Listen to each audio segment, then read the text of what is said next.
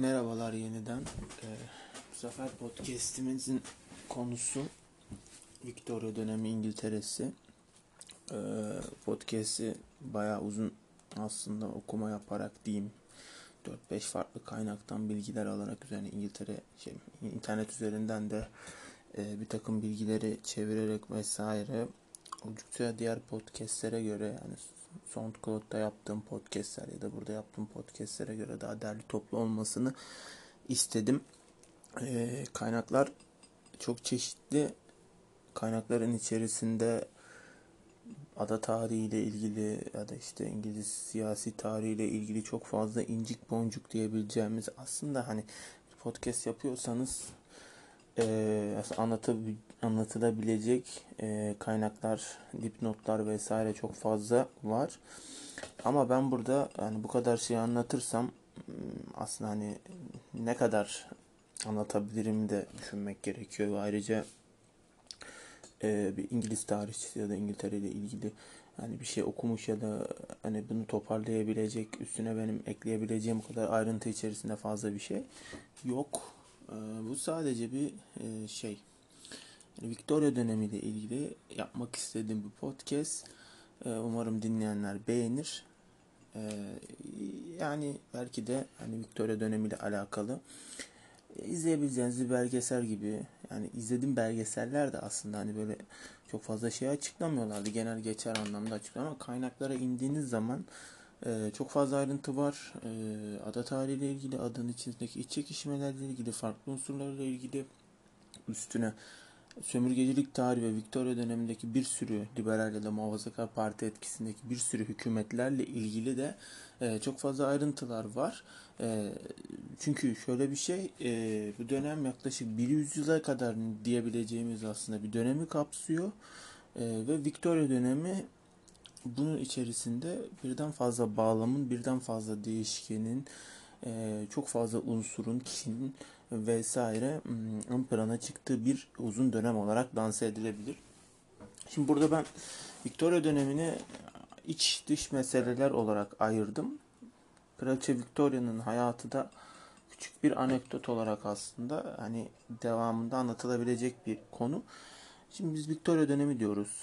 Hani bundan sonra mesela Kraliçe Elizabeth öldüğünde bir Elizabeth dönemiyle ilgili genel geçer ya da böyle bir e, sayfa açılmaya çalıştığında da aynı Victoria dönemindeki gibi birden fazla unsurların yani bir sürü bir tarih ortaya çıkacak. Bir sürü tarih olayın, kişinin, hükümetin, iç ve dış anlamdaki etkileşimlerin birbirinin bir sürü olduğu, önemli noktaların da olduğu kocaman bir tarih ortaya çıkacak bir dönem. Victoria dönemi de aynı şekilde böyle olduğu için e, büyük ihtimal hani İngiliz kültürü, tarihi, edebiyatı vesaire okuyan, okumuş insanlar bunu Victoria dönemini belki de ayrı bir test konusu, Victoria dönemi edebiyatını, Victoria dönemi siyasi tarihini vesaire e, görmüş olmalılar ki çok büyük, çok dallı budaklı bir konu.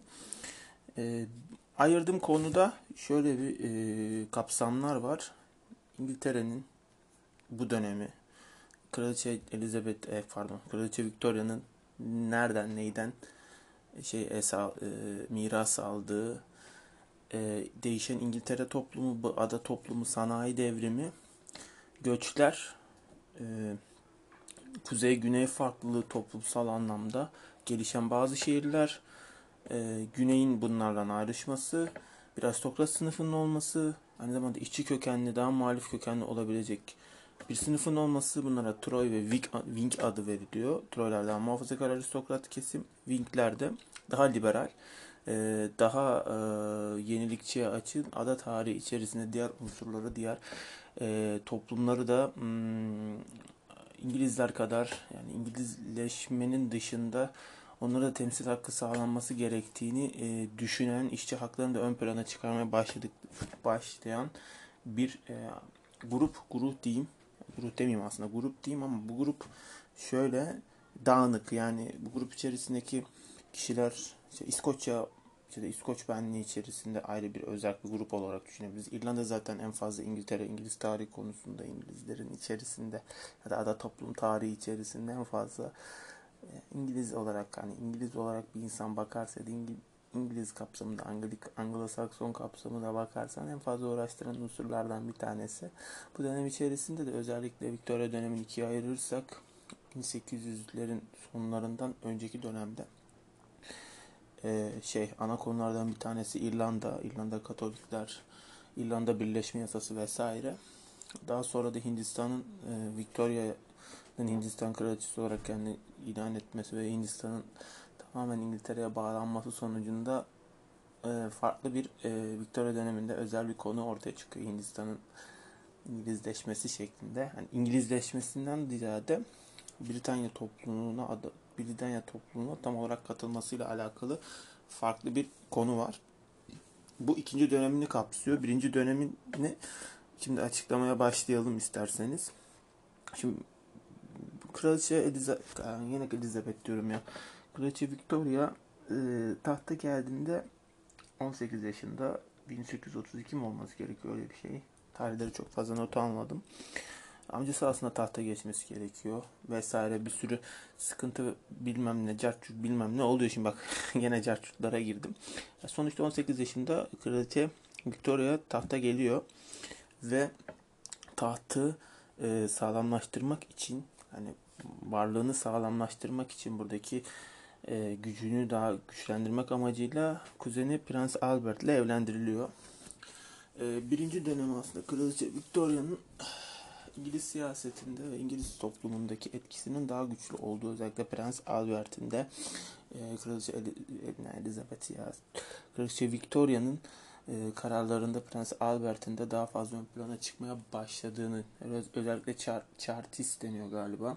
Chartist hareketler işçi sınıfının hakkının daha fazla ödenmek istemesi vesaire daha parlamentoda temsil hakkını bulmak istemesi şeklindeki şeylerde e, daha Troy sınıfı daha muhafazakar aristokrat hükümetlere karşı Prens Albert'in daha liberal bir duruşu söz konusu. Burada Prens Albert öncülüğünde e, Victoria e, ve kraliyet ailesi siyaset üzerinde önemli bir etki aslına sahip.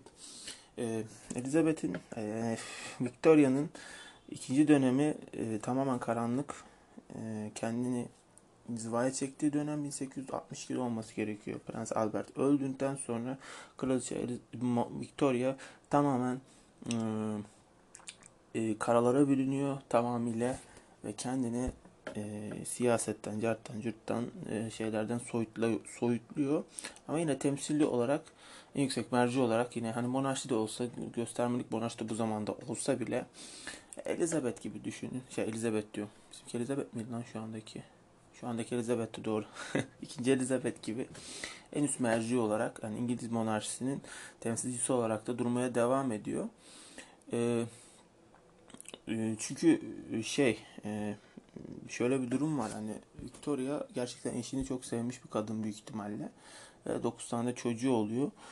Aynı zamanda Victoria'nın e, Victoria dönemini kıta Avrupa'sına da bağlayan bir unsur da burada söylememiz gereken e, Victoria'nın 9 çocuğunun 8 tanesi daha sonra hmm, Fransa ve Osmanlı Devleti dışındaki bütün aristokrat e, ve iktidara iktidarda olan e, kraliyet ailelerine e, akraba bağlarının kurulması bir bakıma koskocaman bir Avrupa'yı e, şey Victoria büyük büyük anne Victoria'nın torunlarının bir zamandan sonra yönettiği bir e, şey oluyor. Bu da işte mesela Charles II. Nikolay ya da William Kaiser'in e, Victoria'nın torunları olduğunu da söylemek gerekir. Bir bakıma e, Birinci Dünya Savaşı da aslan, aslında Victoria'nın torunları arasında yaşanan bir iktidar savaşı gibi de düşünebilirsiniz temsili bile olsa. Şimdi içteki Britanya tarihinden başlayalım, dıştaki Britanya tarihinden başlayalım. Dıştaki Britanya tarihine başlayalım isterseniz. Ee, şimdi dıştaki Britanya tarihinin Britanya tarihini dış olarak nasıl aksederiz? Yani Britanya dış işleri ve Britanya'nın sömürgelerinin üzerinden gideceğiz. Britanya'nın iç işleri oldukça karışık bir dönemde de Britanya'nın itibarı diyelim. Britanya'nın itibarı bu dönemde en şaşalı dönemini yaşıyor. Neden derseniz e, Britanya e, 1857 Hindistan'daki ayaklanmadan sonra bu 1857 Hindistan'daki ayaklanmanın sebeplerinden bir tanesi de e, artık koskocaman devasa bir şirket olmuş Elizabeth zamanında kurulmuş Doğu Hindistan şirketinin artık kafasına göre kararlar vermesi bir bakıma oranın ağası olması Hindistan'ın ağası olması ağası olmasının sonuçlarından bir tanesi de e, çok başlı bir yapı. Yani yani özel bir yapı. Artık İngiltere'nin İngiltere orada bir ortak gibi e, Doğu Hindistan şirketinin içerisindeki ortak gibi ama Doğu Hindistan şirketi tam anlamıyla Hindistan'ın kolonileşmesinde bir devlet gibi davranmıyor, bir şirket gibi davranıyor ve bunların içerisindekiler Soley deniyor galiba e, yerli e, yerli halktan oluşan askerler de bir zamandan sonra Hindistan şirketine, Doğu Hindistan şirketine karşı isyan ediyor. Bir şirket, şirketin yönettiği, atadığı bir vali var. Tam anlamıyla bir e, sistematik bir şekilde kolonileşme yok. Orayı bir ticari unsur olarak gördüklerinden dolayı 1857'deki Hindistan ve e, şey arasındaki savaş, Doğu Hindistan şirketiyle Hint, Hint yerleri arasındaki savaştan sonra İngiltere Doğu Hindistan şirketini kapatıyor. Yani bir bakıma işgal ediyor. Sen burada bir işi beceremiyorsun. Bundan sonra biz e, koordinal olarak Hindistan'ı ele geçiriyoruz. Hindistan'ı İngiltere tam anlamıyla İngiltere kolonisi yapıyoruz diyorlar ve bundan sonra zaten Kraliçe Victoria e, Hindistan e, kraliçesi olarak da taht şey taç giyiyor. Hindistan'da yöneticisi oluyor bir bakıma. Tamamen İngilizleşiyor. E, bu, bu dönemde Hindistan e, İngiltere için en önemli e, koloni. Neden en önemli koloni? Aslında Hindistan e, İngiltere için İngiltere'nin Britanya'nın en fazla en en en fazla yatırım yaptığı koloni. E, yani Britanya'dan sonra Britanya diyebileceğimiz Britanya'nın en fazla üzerine tütlediği koloni, koloni Hindistan. E, bu dönemdeki itibarının en önemli şey zaten Hindistan'daki bu ıı, savaştan sonra bu başkaldırmadan sonra Hindistan'ın içerisinde bir takım değişiklikler de yapılıyor.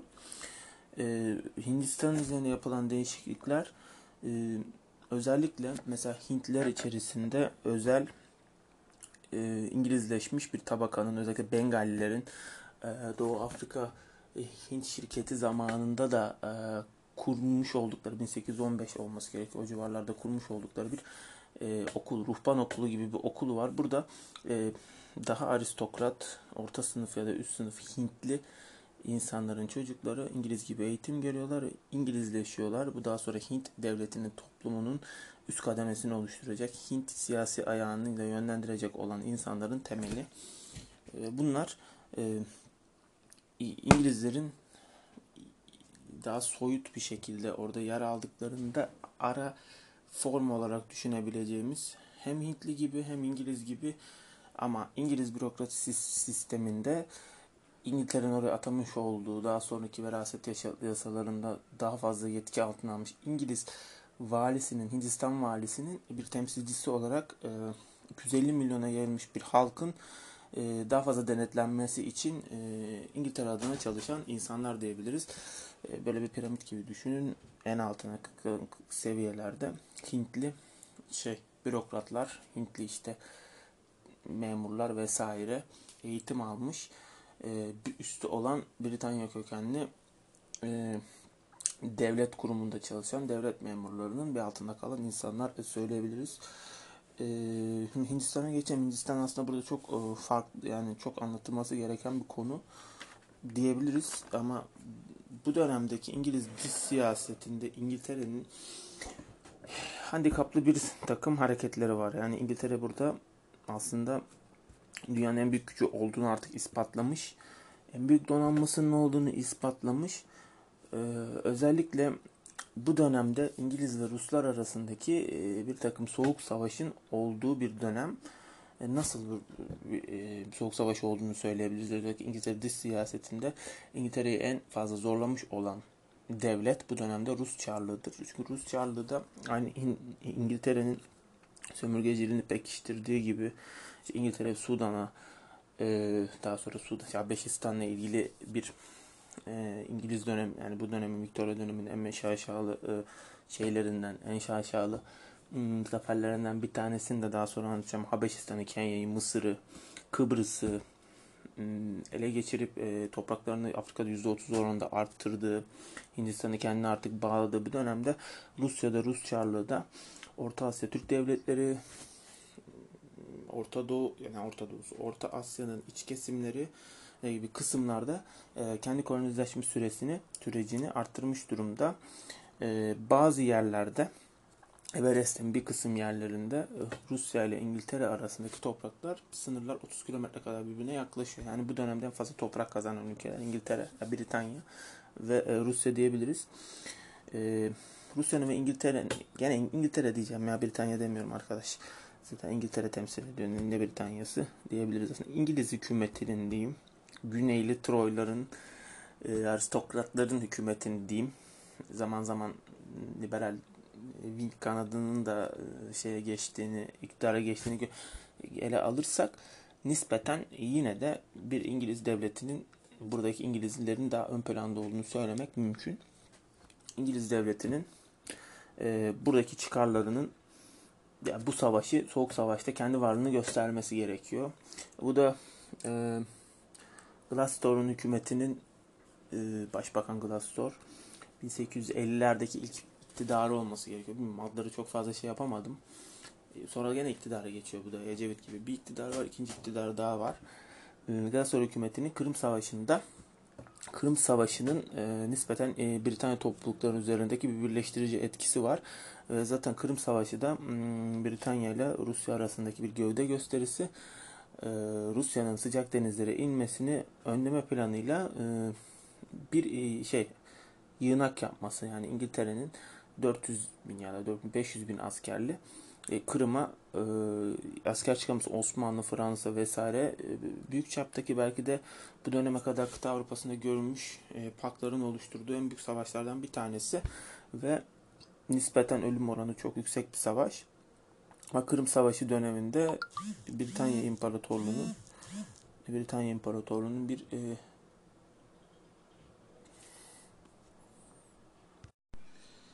Britan e, Britanya'nın varlığını göstermesi gerekiyor burada. Bu varlığını da göstermesi işte asker çıkarmayla vesaire oluyor ama Britanya'nın e, burada e, askeri bölünmelerinde yani askeri anlamda nasıl bir yapı içerisine girdiğini de açıklamamız gerekiyor. Şimdi Britanya askerleri Britanya en fazla varlığını üçte bir oranında Akdeniz'de bulunduruyor. Neden Akdeniz'de bulunduruyor? Dediğim gibi Soğuk Savaş dönemi o dönemki Victoria dönemi, Soğuk Savaş dönemi Rusya karşı bir varlık oluşturması gerekiyor. Donanmasının üçte birini Akdeniz içerisinde yer alıyor. Geri kalan askerlerinin büyük çoğunluğu da Hindistan'da kalıyor. Yani Hindistan'da 70 bin askerlik bir ordusu var. Ee, şeyin Britanya'nın ee, ve bine yakında ask şey var, e, memuru var. Bin, bin memur 70 ee, bin askerle 250 milyonluk Hindistan'ı uzun bir süre boyunca sömürgesi altında kalma, e, sömürgesi altında tutmak bence büyük bir başarı diyebiliriz. Ee, şöyle bir durum var. Şimdi e, İngiltere Hindistan'a her asker gönderdiğinde 100 e, 100 sterline mal, mal oluyor. 70 bin askere vurduğunda 100 milyon sterlinlik bir rakama şey yapıyor, tekabül ediyor. Ama şöyle bir çözüm bulunuyor bu dönemde. Soleil dediğimiz yine Hindistanların, Doğu Hindistan şirketinin kurduğu yerli askerler gibi tamamen İngiliz sistemine biat etmiş bir 120 bin kişilik bir Hint ordusu İngiliz ordusuna bağlı daha alt düzeyde bir Hint ordusu ortaya çıkarılıyor ve bir Hint ordusu o kadar başarılı oluyor ki Hint ordusu e, bu dönemde isyan çıkarılan her yere gönderiliyor. Mesela Afrika'daki emperyal harekatlarda Hint ordusu çok ön plana çıkıyor. Bu, bu dönemde mesela Kırım Savaşı da aynı şekilde ya da e, şeyde olabilir. E, daha ilhak edilen işte Çin Hindi olabilir. Başka yerler olabilir. Güney Afrika vesaire. Bu yerlerde Hintliler, Hint askerleri e, çok fazla kullanılıyorlar. E, zaten İngilizlerin bu dönem bir Victoria döneminde harekat üssü Bombay. Bombay'daki ordu komutanlığı herhangi bir yere çıkarma yapılacaksa askerler dönemde toplanıyor. Ana vurucu kuvvet Hindistan güçleri oluyor. Hindistan'daki hem İngiliz hem de Hint kökenli güçler diğer yapılacak bölgelere harekat düzenlemesinde ön plana çek gönderiliyorlar. Ayrıca e, bu dönemde çok iki e, yani ikiricikli bir ikiricik dediğim bir politik anlayış olmasının sebeplerinden bir tanesi de Victoria dönemi kölelik kaldırılıyor. Victoria dönemi kölelik kaldırıldığında Victoria, Victoria dönemindeki İngiliz donanması özellikle Atlantik üzerindeki e, köle gemilerini batırmakla ilgili yani bugünkü hani NATO o deniz operasyonları Akdeniz üzerinde devreye geziyor. Bu dönemde bir devreye atması söz konusu. Bu dönemde 10-15 yıl olması gerekiyor. Yapılan çalışmalar yani yapılan harekatlar sonucunda Afrika'dan Amerika'ya göç eden yani zorla götürülen köle ticaretini bitiriyorlar. Ancak e, bu hani İngiltere'nin kolonileşmiş sömürgeci imparatorluğa sahip olduğu bir ülke olduğu da göz önünde bulundurursak e, çok böyle değişik bir tutum yani köleliği bitirip köleliğe karşı savaş açıp aynı zamanda sömürgeci bir imparatorluk olmakta. O dönemki Victoria dönemi İngiliz İngiltere'sine, Britanya'sına has bir konu. Ee,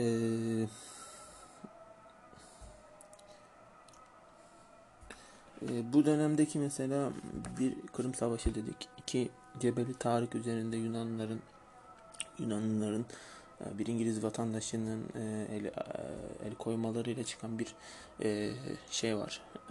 Diplomatik bir kriz var. Yine aynı dönemlere denk geliyor. Aynı şekilde İngiltere burada gücünü göstermek amacıyla Ninova'ya Yunanistan donanmasını ablukaya aldığı bir dönem var. Bir harekatı da var. Burada yani kesinlikle Fransız olsun, İspanyol olsun zaten İspanya Fransa daha önceki savaşlarda e, donanma savaşlarında özellikle e, İngiltere'ye karşı e, bir güç göstermeye çalışıyorlar ve sürekli yenildikleri için artık onlara karşı bir güç değil. E, sonra ne, ne diyebiliriz? Heh, e, şey diyeceğiz bir de ayrıca e, de, şey İngiltere'nin denizlerdeki gücünün en önemli göstergelerinden bir tanesi de 1840'larda ve 1800 56 ile 60 arasında olan iki Afyon Savaşı var. Çinlilerle olan Afyon Savaşlarını mesela bu açıkçası İngilizlerin net bir zaferi ve dünyaya biz bir sömürge imparatorluğu kurduk. Bizle başa çıkamazsınız demenin de ayrı bir e, göstergesi diyebiliriz. Olay şöyle gelişiyor. E, Çin'deki kanton bölgeler var. Mesela Hong Kong ya da Çin, Çin'in Güneydoğu Asya'ya kayan yerlere ticaret alanları ve ticaret alanlarında da e, İngiliz menşeili e, bazı şirketler afyon satımı başlıyor. Hani afyon satımı, afyon afyon dediğimiz uyuşturucu maddenin satımı e, daha fazla Çinler içerisinde yaygınlaşıyor ve bir zamandan sonra 30 milyona yakın bir esrarkeş, dip Turkish ve kafası yaşayan e, insanlar ortaya çıkıyor. E, bu çıkan bu e, toplumsal ekonomik çalkantıdan sonra da Çin hükümdarı direkt olarak İngiltere'ye karşı bir tutum almaya başlıyor.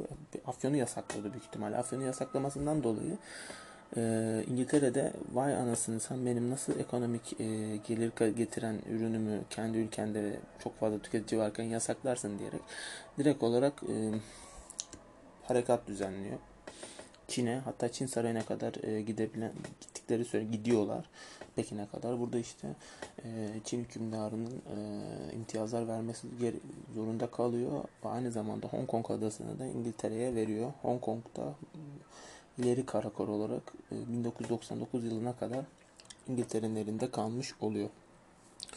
Bu kadar başarıyı nasıl yapıyorlar? Bu kadar başarılı olmalarının sebeplerinden bir tanesi İngiltere'nin sanayi devrimi, sanayi devrimini ilk yaşayan ülke olması ve daha sonra sistematik olarak da hem kendi adı içerisinde sanayisini geliştirmesi ve sömürgelerde özellikle Hindistan gibi yerlerde makineleşme ve otomatikleşmede önce olmasını söyleyebiliriz. Hem zaten e, doğal kaynaklar bakımından İngiltere çok güçlü bir ülke dünyanın her yerinden kaynaklarını adaya aktığını söyleyebiliriz. Mesela 1800'lerde bir insan mesela kahvesi bir İngiliz'in çayı e, Sri Lanka'dan geliyordu.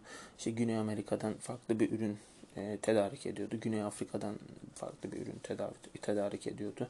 Mesela taktığı elmas Afrika'dan ama gene İngiliz sömürgesi bir ülkeden geliyordu. Vesaire çok fazla yapının İngiltere'ye çalıştığını ve İngiltere'yi şey, Britanya'yı beslediğini söyleyebiliriz. Ama aynı zamanda bu kadar koordine olmalarının e, sebeplerinden bir tanesi 240 tane gemiye lik bir parçalık bir donanmalarının olması. Bu da her an her yerde etkin bir vaziyet almalarına sebep veriyor. İkincisi de e, İngiltere'nin e, sanayi devrimiyle itibaren dünyanın ilk haberleşme ağını kendi İngiliz sömürge topluluklarında kurması. Bu da telgraf Telgraf 1816 yılında İngiliz donanmasına teklif edilen, aslında gösterim, gösterilen ancak İngiliz donanmasının o dönemde kabul etmediği, çok da tiye almadığı bir konu. Kraliçe Victoria döneminde telgrafa özellikle önem veriliyor. 1866 yılında olması gerekiyor. Telgraf hattı ilk telgraf hattı şeyden Atlantik içerisindeki Amerika ve İngiltere yer alan yer altından döşenen şey deniz altından döşenen telgraf hattı tamamlanıyor. Daha sonra Hindistan'a, Avustralya'ya ve bütün işte sömürgelerin olduğu yere yerlere bir telgraf hattı döşeniyor. 918 bin kilometre şey millik olması gerekiyor. Ya 918 bindi ya da 98 bindi. Ona bir bakayım. Uuu, nereye yazmıştık onu? 98 bin kilometre de olabilir ama 918 bin mil de olabilir. 97.568 millik bir kablo döşemesi e, yapılmış. 27 Temmuz 1866'da da Amerika'ya e, ilk telgraf denemesi yapılıyor. E, bu bir. İkincisi de İngiltere sömürgelerine özellikle gene Hindistan için diyeceğim. Ve biz Hindistan ya da başka sömürgeler, Afrika'daki sömürgelere de özellikle doğal kaynakların limanlara daha fazla taşınması amacıyla demir yolunu e, hem kendi devleti içerisinde, kendi ada ülkesi içinde, ada toplulukları içinde ön plana çıkarması hem de diğer sömürgelerine de çok fazla demiryolu ağını e, yapması, demiryolunu teşvik etmesi, bu ülkelere de binlerce binlerce kilometre demiryolu ağını yapması ve tamamen e, kendi sömürgelerini bir lokomotif haline getirmesi de doğal kaynakların hızlıca açılmasında, aşılmasında önemli bir ses sahibi oluyor. Aynı zamanda artı bir etmen de e, Victoria döneminde ilk buharlı geminin yani buhar türbinleriyle çalışan geminin ortaya çıkması sömürgecilik, hızla, sömürgecilik işini hızlandırıyor. Mesela Güney Afrika'ya 4 hafta gibi bir sürede e, gidilirken 1890'larda bu 10 günlük bir süreye kadar inmiş oluyor. Bu da daha fazla ham maddenin İngiltere üzerine, Britanya üzerine akmasına sebep oluyor. Şimdi biz dışı anlatıyorduk. Dışta anlatacağımız ne kaldı? Dıştaki itibarı şey Hindistan'a geçelim istiyorsanız. Şimdi Hindistan neden ön planda? Neden Hindistan'ı daha fazla e, şey yapıyor İngiltere? Çünkü Hindistan e, bir bakıma e, şey önemli bir konu. Neden 250 milyonluk bir nüfusu var ve bu nüfusu kontrol altında tutulması gerekiyor. Fazla doğal kaynaklara sahip ve bir sömürgecilik çarkındaki en önemli planda, en önemli işleyen çarkta Hindistan. Hindistan'ın ilhakından sonra diğer e, ada sömürgeleri daha az ön plana çıkıyor. Mesela Jamaika olur, işte atıyorum Kanada olur, Avustralya olur vesaire. Ve burada sistematik bir şekilde e, İngiltere'nin bürokrasisinin işlemesi gerekiyor. Neden? 250 milyon insan var dedik. Farklı kültürler içerisinde atıyorum gittiniz Kanada'da ya da Japan, Jamaika'ya ya da Avustralya'ya gittiğinizde e, burada küçük bir azınlık var ve bunları kontrol etmesi oldukça kolayken e, Hindistan'da bu kolay değil. Hindistan'a bu şekilde 1860-57'den sonra e, bir ilhak söz konusu ve daha sonra sistematik olarak Hindistan'ın e, İngilizleşmesi geliyor. Yani İngilizleşmiş insanların, İngilizleşmiş Hintlilerin, e, İngilizleşmiş şehirlerin, küçük bölgelerin ortaya çıkmasına sebep oluyor. Özellikle Kalkuta gibi yerlerde e, çıkan isyanlardan dolayı şehirler yeniden yapılandırılıyor ve bu şehir yapılandırmaları Paris Komünü isyanındaki gibi caddelerin genişletilmesi, askerlere daha fazla harekat planının ortaya konması gibi bir takım e, düzenlemeler ortaya çıkarıyor ve burada özellikle Lord Curzon döneminde 1890'lardan sonra tamamıyla değişen çehresi değişen bir e, Hindistan'ın bazı bölgelerini görüyoruz. Yeni Delhi gibi, Kalkuta gibi, Yeni Delhi gibi ya da e, biraz önce paylaşmıştım bunların gittikleri bir yazlık kasaba vardı. Neresiydi orası ya? Hmm, durun ona bakacağım. Burada bahsedilen e, kasabanın adı Simla kasabası ya da Simla e, vilayeti diyebiliriz. Simla'nın özel bir yanı var. Yine İngilizleşmiş yerler açısından Simla oldukça e, diğer Hintli şehirlere göre daha arındırılmış da İngilizlerin, bürokratların, e, subayların yaşadığı bir yer. E, şöyle bir sıkıntı var. Hindistan yazları çok fazla sıcak olan bir yer ve havalandırma sistemlerinin olmadığı bir dönemden bahsediyoruz. E, bu dönem içerisinde de e, bürokratlar açıkçası e, kendi memleketlerinin havasını özlediklerinden dolayı e, idari başkent olan Bengal'deki Kalkütta'dan daha ayrı bir yerlere gitmek istiyorlar ve bu konuda da Simla çok önemli bir yer olarak söylenebilir. E, bürokratların büyük bir kısmı e, yazları geçirmek amacıyla Simla kentine akın ediyorlar. Yani böyle orası hem içerisinde gotik kilisenin olduğu işte daha böyle İngiliz kasabası gibi, İngiliz şehri gibi ayrı bir unsur. Yani Hindistan'daki İngilizleşmenin en önemli örneklerinden biri. Eğer Hindistan'a gidersem Simla'yı görmek isterim. Ee, daha sonra bu dönemde hmm, bu dönem içerisinde e, özellikle 1800'lü 70'lerin 80'lerin başından itibaren e, bir genel vali atanıyor. E, Samuel Robinson. Samuel Robinson'ın Gladstone hükümetinin liberal bir hükümetin atadığı bir genel vali ve bu genel valinin bazı doktrinleri var. Bu doktrinlerden bir tanesi de daha sonra mesela atıyorum Hook Maxwell gibi ya da daha fazla Hindistan içerisinde yaşamış, büyümüş, Hindistan içerisinde iş yapmış, iş yapan hani bürokratların dışında buraya gelmiş özel ticaret yapan tüccarlar da çok önemli. Bu gibi tüccarları, beyaz tüccarların e, tepkisine yol açan bir yasa tasarısını e, yürürlüğe koymaya çalışıyor. Aslında yürürlüğe koyuyor. Şimdi bu yasa tasarısının adı İlbert Yasa Tasarısı. İlbert Yasa Tasarısı içinde kendine bir avukat buluyor ve bunu sistemleştirmeye çalışıyor. Şimdi İlbert Yasa Tasarısı'nın son, e, olayı şu. E, bu yasa tasarısıyla e, Hintli e, hakimler e, normalde e, herhangi bir davada Hintli bir hakim beyaz bir insanı sanık olarak ya da yargılama kısmında etkisiz eleman olarak normalde yer alıyordu. Ancak İlbat Yasa tasarısıyla adalet karşısında Hindistan içerisindeki herhangi bir unsur adalet karşısında eşit şekilde yargılanmalıdır gibi bir maddesi var. Ve bu ister eline ister inanmayın Hindistan içerisindeki beyaz azınlığın isyanına neden oluyor. Bu sefer de Burcuva beyaz Hintlere karşı isyan ediyor. Ve bir isyan böyle lobicilik vesaire gibi e, bir e, baskı sonucu baskılamaya neden oluyor. Dediğimiz gibi biraz Avin kanadına yakın bir liberal düşüncedeki bir vali ve bu şekilde bir yenileme yenileme isteği doğuyor çünkü e, bu ayrımlaşma toplumsal içerisindeki ayrımlaşma Hindistan'ın bağımsızlığına gelebilecek bir çatlak oluşturabileceğini düşünüyor bence. E, bu zaten bu ayrım Hintli, İngiliz bilmem ne yöneten, yönetilen vesaire. E, bu ayrımda e, daha sonra zaten görebileceğiniz şekilde bir bağımsızlık savaşına doğru evrilecek. E, İlbert Yasa tasarısı ilk defa ilk defa Hintliler arasında bir birlik, bir bütünlük sağlayabilecek bir e, madde maddeye dönüşüyor. Yani ilk defa bir Hintli ezilen toplum, Hintli sömürge, sömürgeleştirilmiş insanlar e, işte Bengalisi olsun, Pençuk olsun, Pençuk muydu onların adı?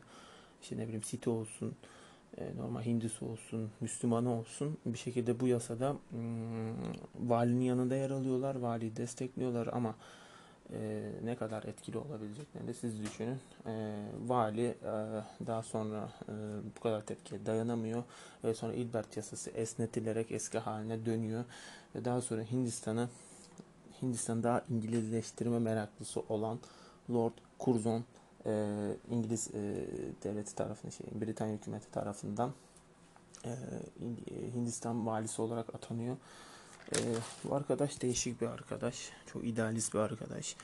Bu kadar idealist olmasının sonucunda da şey mesela şöyle bir şey var. Hmm, onun yanında yardımcı olarak bir Hintliye atıyor. Bir Hintli bir imaj onun gibi konuşuyor. Onun gibi davranıyor işte. Onu temsil ediyor aslında Hint halkına karşı. Bir bakıma da bu imajı yaratması Hint toplumundaki bölünmeyi bir bakıma askeri seviyeye indirmeye başlıyor e, ve e, Lord Curzon'un e, daha sağcı, daha oto, oto, otokratik diyeyim e, politika anlayışı Hindistan toplumu ve Hindistan siyasi şey içerisinde Hindistan sömürü Britanya Hindistan devleti diyelim içerisinde daha fazla ön plana çıkmaya başlıyor. bu dönemde neler yapılıyor? Lord Curzon zaten 1890'ların sonuna doğru e, Britanya'dan şey Hindistan valisi olarak buraya geldiğinde e, ilk iş olarak e, bu demiştik ya hani Hindistan memur bürosu gibi bir büro var. Bu büro içerisindeki e, Hintlilerin e, aristokrat olarak yetiştirilmiş Hintlilerin daha ön plana çıkmasını engelliyor. Özellikle adalet kısmında ya da bürokrasi kısmında. Bu dönemde Lord Curzon döneminde daha fazla Britanyalı daha fazla iş bulmaya başlıyor. İkinci olarak da idari ve siyasi olarak e, Kalküta şehrini ikiye bölüyor. E, ve Kalküta şehrini ikiye bölmesinin sonucunda e, ilk defa 1857 Hindistan isyanları gibi e, beyaz azınlığa karşı bir isyan, bir terör eğilimi dalgası ortaya çıkıyor. E, Britanya devleti bunu araştırdığında hmm, bu terör eylemlerinin temelinin e, aslında e, fakir fukara Hint halkının örgütlenmiş bir şekilde bunu sömürgeciliğe karşı yapmış olduğunu görmüyorlar. Bu özellikle bürokrasi sınıfındaki ayrımcılık özellikle Lord Curzon'un yaptığı ayrımcılıktan dolayı yargılanan e, Britanyalı üst düzey bir kadın bürokratın öldürüldüğü bu terör bombalama eylemleri işte suikast girişimleri vesaire Bengal valisine yapılan suikast girişimi vesaire e, bürokrat sınıfının yapmış olduğunu görüyorlar. İşte bu bürokrat sınıfı ee, daha sonra işte Gandhi olsun, işte Pakistanlı daha sonra bağımsızlığını ele geçir, bağımsızlık sağlayacak e, Hint ya da Pakistanlı bağımsızlık figürlerinin e, içinden çıktığı bir e, guru, bir takım e, İngiltere İngilizleştirmek isterken e, bir bilinç kazandırdığı diyelim e, daha İngiliz İngiliz gibi düşünmeye başlayan daha liberal fikirlerle içerisinde dolan bir bürokrat, e, aristokrat Hint sınıfın tarafından daha sonra Hindistan'dan dışlanıyor. Ama e, şöyle de bir şey var. E, bugünkü Hindistan Cumhuriyeti'ni e, bu çok demokratik yapılı, federal e, dev, yapılı diyelim e, dünyanın en büyük demokrasisini yaratan da onu aslında filizlendiren, yeşillendiren de aslında İngiltere'dir. Neden? Çünkü İngiltere 280 milyon sterline yakın e, şeye Hindistan'a bir altyapı yatırımı yapıyor. Su kanalları geliştiriyor. Aşıları insanlara dağıtıyor. Hmm, bürokrasi sınıfını yaratıyor. E, en fazla uğraştığı e, sömürgesi Hindistan. Ama tabi e, Hindistan üzerinden de çok fazla gelir kazandığını da söylemek gerekir. Ancak bütün bunlar olmasaydı atıyorum Babür İmparatorluğu devam etseydi ya da başka bir ulus tarafından Hindistan sömürgeleştirilseydi Hindistan'ın bugünkü geleceği ya da bugünkü devlet yapısı nasıl olurdu o da tartışmaya açık bir konu diyorum sizlere. Ee, şey anlatacaktım bir de. Hmm. Habeşistan'ım. Habeşistan kralı. Ee, şimdi bu da değişik bir hikaye. Habeşistan kralı adını Habeşistan kralı Tevordros e, ülkesine ziyarete giden ya da diplomatik ilişkilerde bulunmak için giden Britanyalı asker ve diplomatların olduğu bir grubu e, onları e, esir alıyor. E, sonra sonra esir aldıktan sonra da bir gövde gösterisi haline geliyor. Çünkü Habeşistan ya da Habeşistan, Sudan diyebileceğimiz bir dönemdeki şey imparatorluk, oradaki imparatorluk e, tek imparatorluk ya da tek devlet bağımsızlığını devam ettiren Afrika'daki tek devlet. Ve o da bu gücünü kullanmak istiyor. İmparatorluğun gücünü kullanmak istiyor. E, İngiltere ilk başta diplomatik anlamda bir e, Kraliçe Victoria 1867'de olması gerekiyor bu. 1867'de e, 1867'de diplomatik anlamda bir e, iletişim çabasına girilmeye baş isteniyor İngiltere İngiliz devleti için. Ancak Habeşistan kralı buna çok da tiye almıyor ve bütün gönderilen kafileler öldürülüyor ya da onlar da tutsak alınıyor vesaire. Ee, burada İngiliz ordusundaki değişim gözler önüne serilmesi için bu operasyon önemli. Çünkü bu operasyonun koordine merkezini Hindistan sağlıyor. Hindistan'daki e, birinci ordu karargahıydı galiba bilmiyorum Bombay'daki bu karargahtaki bütün askerler Hindistan üzerinden kalkıp e, Pasifik Okyanusu'nu aşıp e, bu ülkeye çıkarma yapıyorlar. Yaklaşık 3000 asker olması gerekiyordu. 10 bin miydi öyle bir şeydi. Bunların büyük bir kısmı Hintli. Büyük bir, kısmı da İngiliz askerlerden oluşuyor ve bu bölgenin de ilhakını tamamlıyorlar. Daha sonra bu ilhakı tamamlayan komutana da Lordluk ünvanı Victoria veriyor. Şimdi dıştaki şeyleri anlattık herhalde. Yani dışta bir de e, şunu anlatacağım. E, Victoria döneminin en önemli konulardan bir tanesi de hmm, şey dedik ki aristokrati sınıfını şey, e, diğer Avrupa ülkelerindeki akrabalık bağları e, bu dönemde hassas bir Avrupa dengesi ortaya çıkarıyor. Yani Avusturya, Macaristan olsun, Rusya olsun, İspanya'da olsun, orada İtalya'da olsun vesaire bunların hepsinin birbirine akrabalık bağları olduğu için bir Pax Romana gibi e, aslında hani Birinci Dünya Savaşı'nda birbirlerine girecek tansiyonu oluştur oluşmuş vaziyette sanayileşmiş ülkeler daha fazla birbirlerine hak iddia etmeye başladıkları bir ülkeler ama aristokratik anlamda birbirleriyle bağ olduğu için bu dönem Victoria dönemi Pax Romana gibi barış içinde geçen bir dönem. Zaten Victoria bu hassas dengeyi Avrupa'da sağlayan kraliçe. Şimdi iç dönemine gelelim. 40 dakika oldu lan. 40 dakikadır size bir şeyler anlatmaya çalışıyorum. İş dönemi. İş döneminde e, sanayi devrimiyle başlayan e, İngiltere'deki bir e, toplumsal değişim sürecinden söz konusu. Daha önce dediğimiz gibi İngiltere daha güneyin egemenliği altında güneydeki toprak zenginlerinin, aristokratların, Troy diyeceğimiz sınıfın Anglo-Sakson İngiliz kökenli sınıfın derebeylerinin e, ön planda olduğu bir ülke. Yani bunun için Güllerin Savaşı oluyor işte iç savaş oluyor. Thomas Crown'lu, Cartu, Curtu, Amerika'daki imparatorluk, Amerika sömürgesi kaybediyor falan filan ama genelde sanayi devrimine kadar böyle bir sınıf egemenliği ön planda tutuyor. Ama e, Victoria döneminden sonra sanayi devriminin ön plana çıkmasından sonra Lordlar Kamerası Westminster'da biraz da arka planda kalıp Avam Kamerası'nın daha ön plana çıktığını görüyoruz. E, bu iki, iki Kuzey Güney, Troy, Wing, e, liberaller, muhafazakarlar gibi bunları adlandırabiliriz. E, Avam Kamerası e, Avam Kamerası'nda İngiltere, İskoçya, İrlanda ve Galler adına 600 milletvekili yer alıyor. Ancak en fazla gene temsil hakkını İngiltere sağlıyor. E, 1911 parlamento yasasına kadar da Lordlar Kamerası biraz da Avam Kamerası'na göre geri planda kalan bir e, e, yapı. E, şimdi bu yapı yapıda herkes temsil hakkına sahip diyoruz ama kimler ne kadar temsil hakkına sahip bunda tartışmak gerekiyor. Öncelikle kadınların oy verme hakkı yok. E, nüfuslu e, belli başlı maddi gücü olan Katolik erkekler ilk başta oy verme hakkına sahip.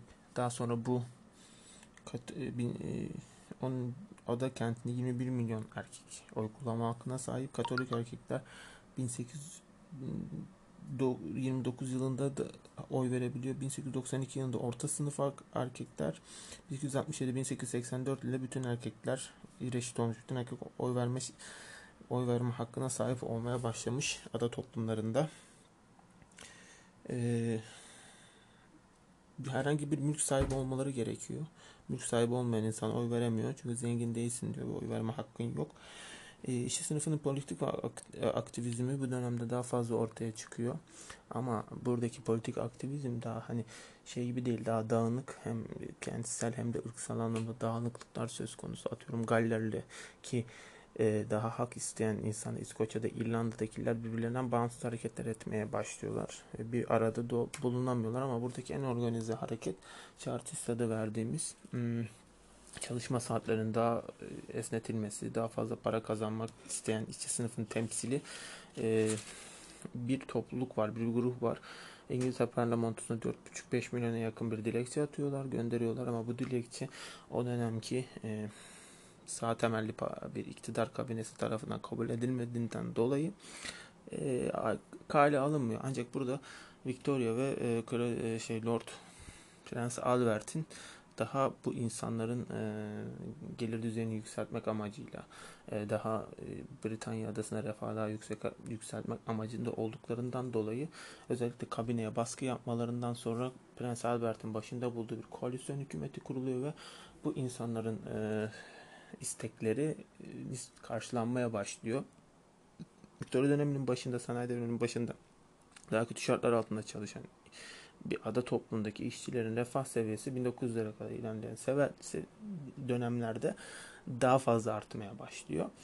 Ee, yıllık kazançları daha fazla artmaya başlıyor vesaire. Ee, bu da e, daha sonra e, bir orta sınıf İngiliz orta sınıfının ortaya çıkmasına neden oluyor ama hala ve hala bugünkü döneme de içerisine katarsak e, gelişmiş düzey bakımından güney şehirleriyle kuzey şehirleri arasında oldukça fark var. Ve bu güney şehirleriyle kuzey şehirlerinin arasındaki fark e, şöyle ee, şu anda hala güney aslında daha fazla ön planda çıkıyor. Mesela Londra, e, İngilizce'de İngiltere'nin en fazla e, can damarı diyebileceğimiz bürokratik, siyasi, kültürel vesaire en büyük yeri ve ilk dönem İngiltere hükümetinin kurulduğu ilk dönemden itibaren zaten e, Londra başı çekiyor. Ancak sanayi devriminden sonra Galler'de bulunan kömür yatakları, kuzeydeki işte Liverpool, Manchester,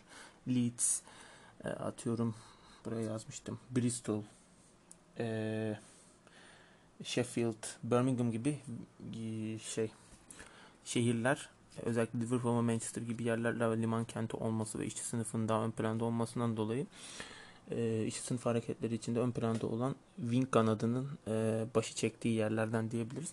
Buralarda daha fazla insanlar e, kentten, şey, köyden kente göç edip burada daha büyük sanayi şehirleri kurmaya başlıyorlar. Özellikle doğal kaynakların, kömür yataklarının bulunması, e, sanayileşmenin artmasıyla e, kuzeyin kalkınma oranı nispeten daha fazla yükseliyor. Yani nüfuslaşma oranı vesaire daha yükseliyor. E, kuzey güney arasındaki bir uçurum bir ara ka- kapanmaya başlıyor. Ama sosyokültürel olarak baktığımızda yine e, güney sınıfı e, aristokrati toprak sahiplerinin daha burjuvanın daha böyle Norman kökenliyle işte Anglo-Sakson kökenli övünebileceğimiz saf İngilizlerin bulunduğu yerler güney kısmı.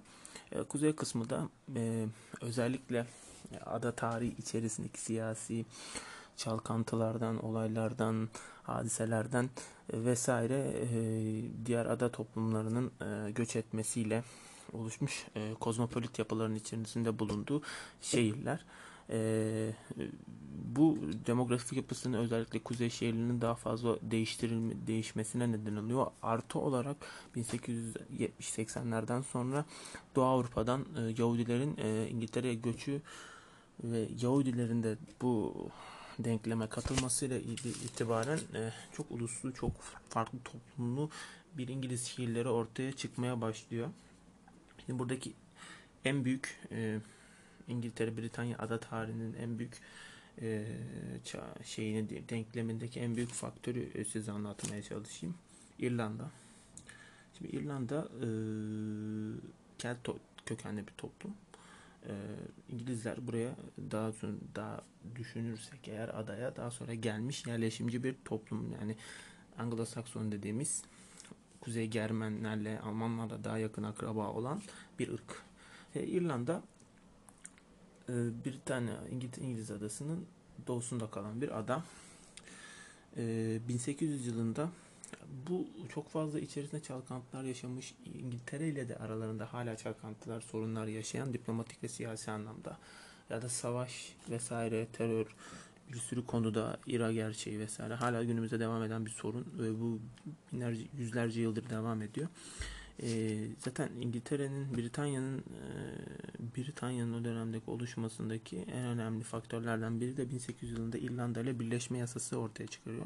Yani birleşme yasası ortaya çıktıktan sonra İrlanda'da Britanya parlamentosunda e, daha fazla e, söz sahibi olmaya başlıyor. Ancak şimdi İrlanda içerisinde de bir sürü e, farklı etnik durum var.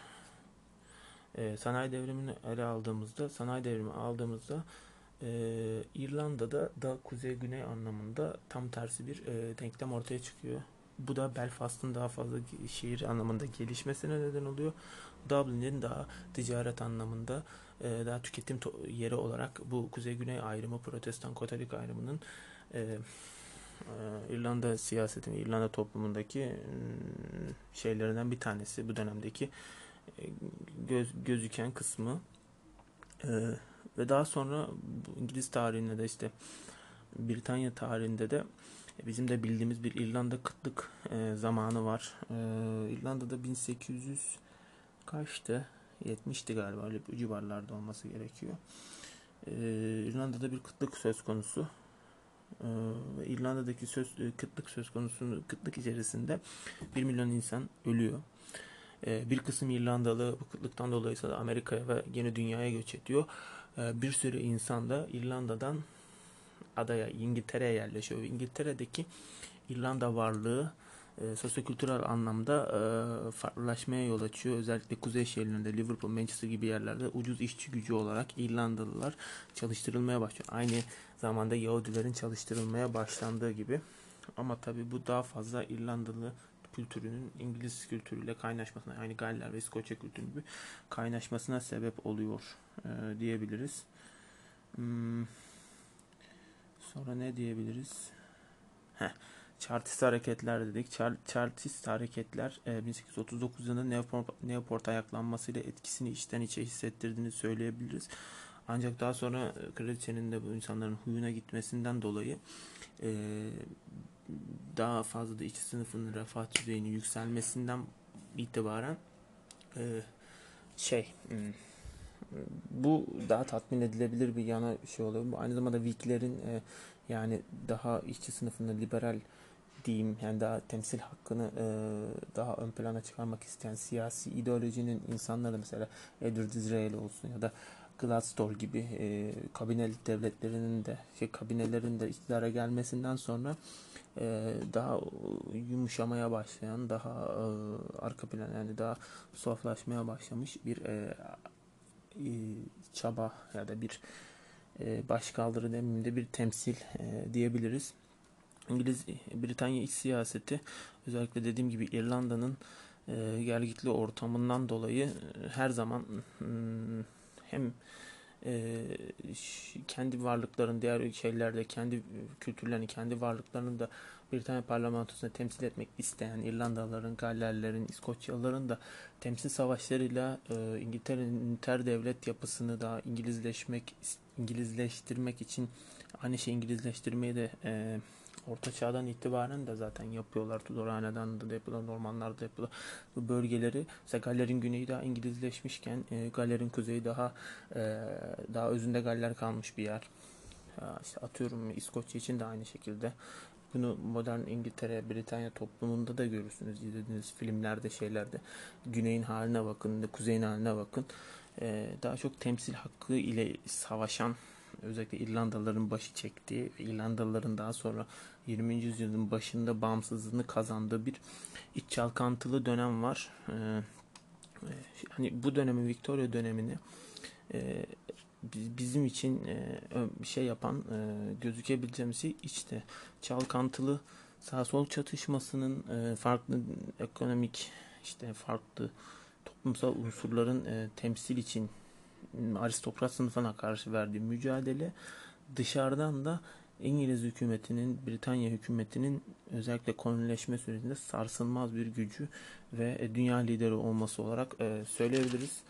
Neredeyse bir saate yakındır e, bir şeyler anlatmaya çalışıyorum. Daha sonra sizlerle yani bu podcast'i izleyip daha fazla bilgi edinmek isteyen arkadaşlar olursa okuduğum kaynakları sizlerle paylaşmak isterim. Hepinize hayırlı cumalar diliyorum.